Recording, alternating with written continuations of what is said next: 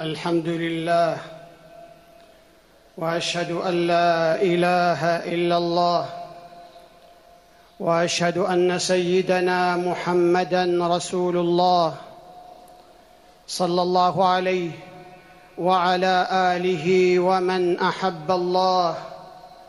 أما بعد فأوصيكم ونفسي بتقوى الله. قال الله تعالى قل إن كنتم تحبون الله فاتبعوني يحببكم الله. قال رسول الله صلى الله عليه وسلم بحسب امرئ من الشر أن يحقر أخاه المسلم كل المسلم على المسلم حرام دمه وماله وعرضه. المسلم كائن له كرامة وقدر ومخلوق صان الشرع مقامه واحترم خصوصيته وحماها من أذى كل متربص أو متطفل يتصيد العيوب. قال تعالى يا أيها الذين آمنوا لا تسألوا عن أشياء إن تبد لكم تسؤكم.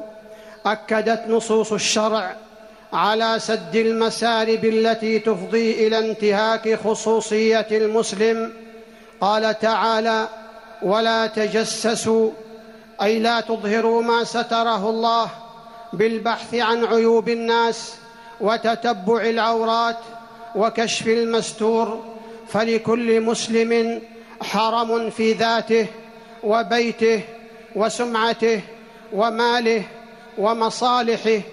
هذا الأدب الرفيع يرتقي بالمسلم عن الأعمال الدنيئة بتعقب بواطن الناس كي يعيش, كي يعيش كل فرد امنا على نفسه وبيته وسره وعورته.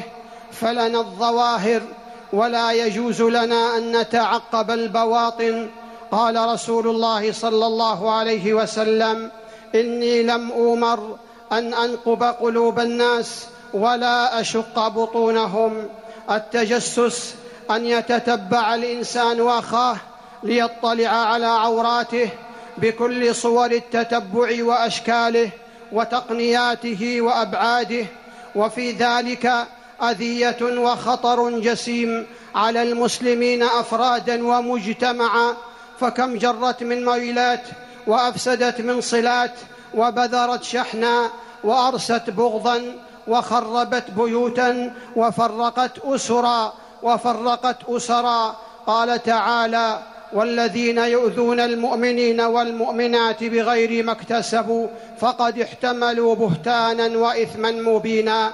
وحين نتأمل قوله تعالى ولا تجسسوا يظهر الشمول الذي يستوعب كل مجالات الحياة ويخاطب الأب والأم بالحذر من السقوط في شراك التجسس وانتهاك خصوصية من يربون دون إذنهم فعملية التربية والبناء وأداء الأمانة والمسؤولية تقتضي أن يتحرز المربي ويحذر من الاطلاع على ما لا يحل الاطلاع عليه وهتك الأستار وتقحم الخصوصية وقد نهى رسول الله صلى الله عليه وسلم أن يطرق الرجل أهله ليلا يتخونهم أو يلتمس عثراتهم وقال إنك إن اتبعت عورات الناس أفسدتهم أو كدت أن تفسدهم. وتجسس الأزواج في بيت الزوجية دون مسوغ حقيقي عبر البحث في المراسلات والمكالمات والمحادثات. سلوك يهدم الثقة ويهز أركان السعادة ويولد الشك وحماية للخصوصية في الحياة العائلية. غرس الإسلام قيمة الاستئذان في نفوس الأبناء والبنات. ومن المؤكد أن قوله تعالى ولا تجسسوا يشمل رواد مواقع التواصل الاجتماعي بالكف عن انتهاك خصوصية المسلم واختراقها لما ينطوي عليه هذا السلوك من ضرر بالغ وأذى فادح يمارس به ومن خلاله ابتزاز أو إرهاب أو فساد. كما أن سوء ظن المسلم بأخيه المسلم يقود إلى ظلمة التجسس ولا يزال سوء الظن بصاحبه حتى يقول ما لا يتبين ويفعل ما لا ينبغي. قال رسول الله صلى الله عليه وسلم إياكم والظن إن الظن أكذب الحديث ولا تجسسوا ينقاد الفرد إلى التجسس بسبب فضول حواسه في انتهاك حرمات المسلمين والتعمق والسؤال في تفاصيل حياة الناس. قال الله تعالى ولا تقف ما ليس لك به علم. إن السمع والبصر والفؤاد كل أولئك كان عنه مسؤولا. وقال صلى الله عليه وسلم من حسن إسلام المرء تركه ما لا يعنيه تتفشى آفة التجسس في أقوام قصرت أفهامهم وضلت مبادئهم باستهداف وترويج الشائعات بكشف العورات. والواجب على العاقل لزوم السلامة بترك التجسس على عيوب الناس والانشغال بإصلاح عيوب نفسه. فإن من اشتغل بعيوبه عن عيوب غيره أراح بدنه ولم يتعب قلبه وإن من اشتغل بعيوب الناس عن عيوب نفسه عمي قلبه وتعب بدنه وتعذر عليه إصلاح عيوب نفسه يصون المسلم إيمانه من هذا الداء بالسير على المنهج النبوي الذي رسمه لنا نبينا صلى الله عليه وسلم بقوله إن الله كره لكم ثلاثا قيل وقال وإضاعة المال وكثرة السؤال وقوله يا معشر من آمن بلسانه ولم يفض الإيمان إلى قلبه لا تغتابوا المسلمين ولا تتبعوا عوراتهم فإنه من تتبع عورات المسلمين تتبع الله عورته ومن تتبع الله عورته فيفضحه ولو في جوف رحله. وأنجع علاج لواد آفة التجسس وتتبع العورات واللهث وراء الزلات هو قيام المسلمين بواجبهم في إصلاح عيوب إخوانهم وستر عوراتهم بالنصيحة.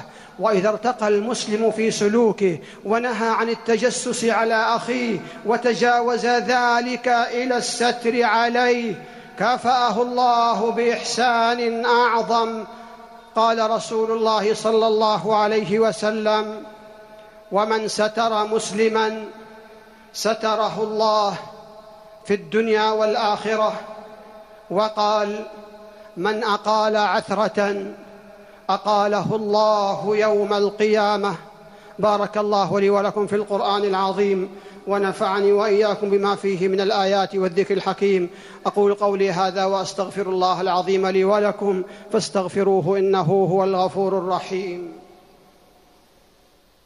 الحمد لله حمدا كثيرا وأشكره شكرا عظيما وأشهد أن لا إله إلا الله وحده لا شريك له القائل وكان الله سميعا بصيرا.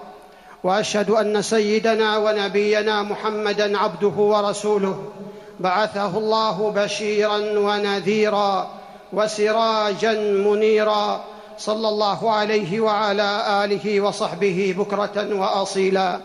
وعلى المسلم أن يعلم أن الخصوصية التي حفظها له الإسلام وصانها تقتضي الا يستبيح حرمات الله وينتهكها في خلواته فإن الله مطلع على سره ونجواه لا يخفى عليه الشيء يعلم السر المستور الذي تخفيه الصدور. فعن ثوبان عن النبي صلى الله عليه وسلم أنه قال لأعلمن أقواما من أمتي يأتون يوم القيامة بحسنات أمثال جبال تهامة بيضا فيجعلها الله عز وجل هباء منثورا. قال ثوبان يا رسول الله صفهم لنا جلهم لنا ألا نكون منهم ونحن لا نعلم. قال أما إنهم إخوانكم ومن جلدتكم ويأخذون من الليل كما تأخذون ولكنهم أقوام إذا خلوا بمحارم الله انتهكوها. ألا وصلوا عباد الله على رسول الهدى. فقد أمركم الله بذلك في كتابه فقال إن الله وملائكته يصلون على النبي. يا أيها الذين آمنوا صلوا عليه وسلموا تسليما. اللهم صل على محمد وعلى آل محمد كما صليت على إبراهيم وعلى آل إبراهيم إنك حميد مجيد وبارك على محمد وعلى آل محمد كما باركت على إبراهيم وعلى آل إبراهيم إنك حميد مجيد وارض اللهم عن الخلفاء الأربعة الراشدين أبي بكر وعمر وعثمان وعلي وعن الآل والصحب الكرام وعنا معهم بعفوك وكرمك يا أكرم الأكرمين اللهم أعز الإسلام والمسلمين اللهم أعز الإسلام والمسلمين اللهم أعز الإسلام والمسلمين وأذل الكفر والكافرين ودمر اللهم أعداءك أعداء الدين واجعل اللهم هذا البلد آمنا مطمئنا وسائر بلاد المسلمين. اللهم من أرادنا وأراد بلادنا وأراد الإسلام والمسلمين بسوء فأشغله بنفسه واجعل تدبيره تدميره يا سميع الدعاء اللهم إنا نسألك الجنة وما قرب إليها من قول وعمل ونعوذ بك من النار وما قرب إليها من قول وعمل. اللهم إنا نسألك من الخير كله عاجله وآجله ما علمنا منه وما لم نعلم. ونعوذ بك من الشر كله عاجله وآجله ما علمنا منه وما لم نعلم. اللهم إنا نسألك فواتح الخير وخواتمه وجوامعه أوله وآخره ونسألك الدرجات العلى من الجنة يا رب العالمين. اللهم إنك عفو تحب العفو فاعف عنا. اللهم اغفر لنا ما قدمنا وما أخرنا وما أعلنا وما أسررنا وما أنت أعلم به منا. أنت المقدم وأنت المؤخر لا إله إلا أنت. اللهم وفق إمامنا خادم الحرمين الشريفين لما تحب وترضى. اللهم وفقه لهداك واجعل عمله في رضاك يا رب العالمين. ووفق ولي عهده لكل خير يا أرحم الراحمين. ووفق جميع ولاة أمور المسلمين للعمل بكتابك وتحكيم شرعك يا أرحم الراحمين. اللهم أنت الله لا إله إلا أنت أنت الغني ونحن الفقراء. أنزل علينا الغيث ولا تجعلنا من القانطين. اللهم أغثنا اللهم أغثنا. اللهم أغثنا اللهم سقيا رحمة لا سقيا عذاب ولا بلاء ولا هدم ولا غرق. برحمتك يا أرحم الراحمين. ربنا ظلمنا أنفسنا وإن لم تغفر لنا وترحمنا لنكونن من الخاسرين. إن الله يأمر بالعدل والإحسان وإيتاء ذي القربى وينهى عن الفحشاء والمنكر والبغي يعظكم لعلكم تذكرون. فاذكروا الله يذكركم واشكروه على نعمه يزدكم ولذكر الله أكبر. والله يعلم ما تصنعون.